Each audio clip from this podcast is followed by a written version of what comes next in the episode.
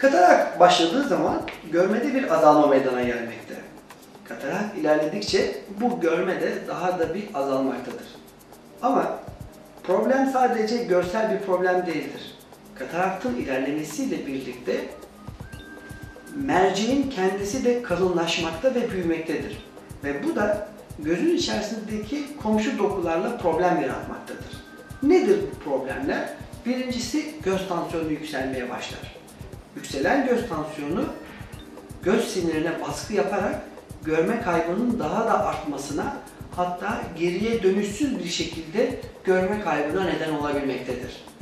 Bir diğer problem de gittikçe sertleşen göz merceği daha da büyüyerek kapsüle zarar verebilir. Kendi kapsülüne ve bu kapsülden dışarıya lens materyalleri çıkabilir.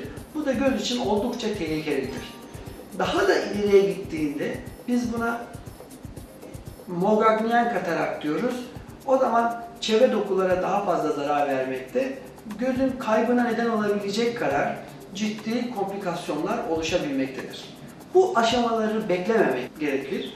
Katarak ameliyatı özellikle yeni gelişen fakotek teknolojisi, sütürsüz yani dikişsiz ameliyat, iğnesiz ameliyat sayesinde çok daha erken dönemlerde yapılmasında fayda vardır.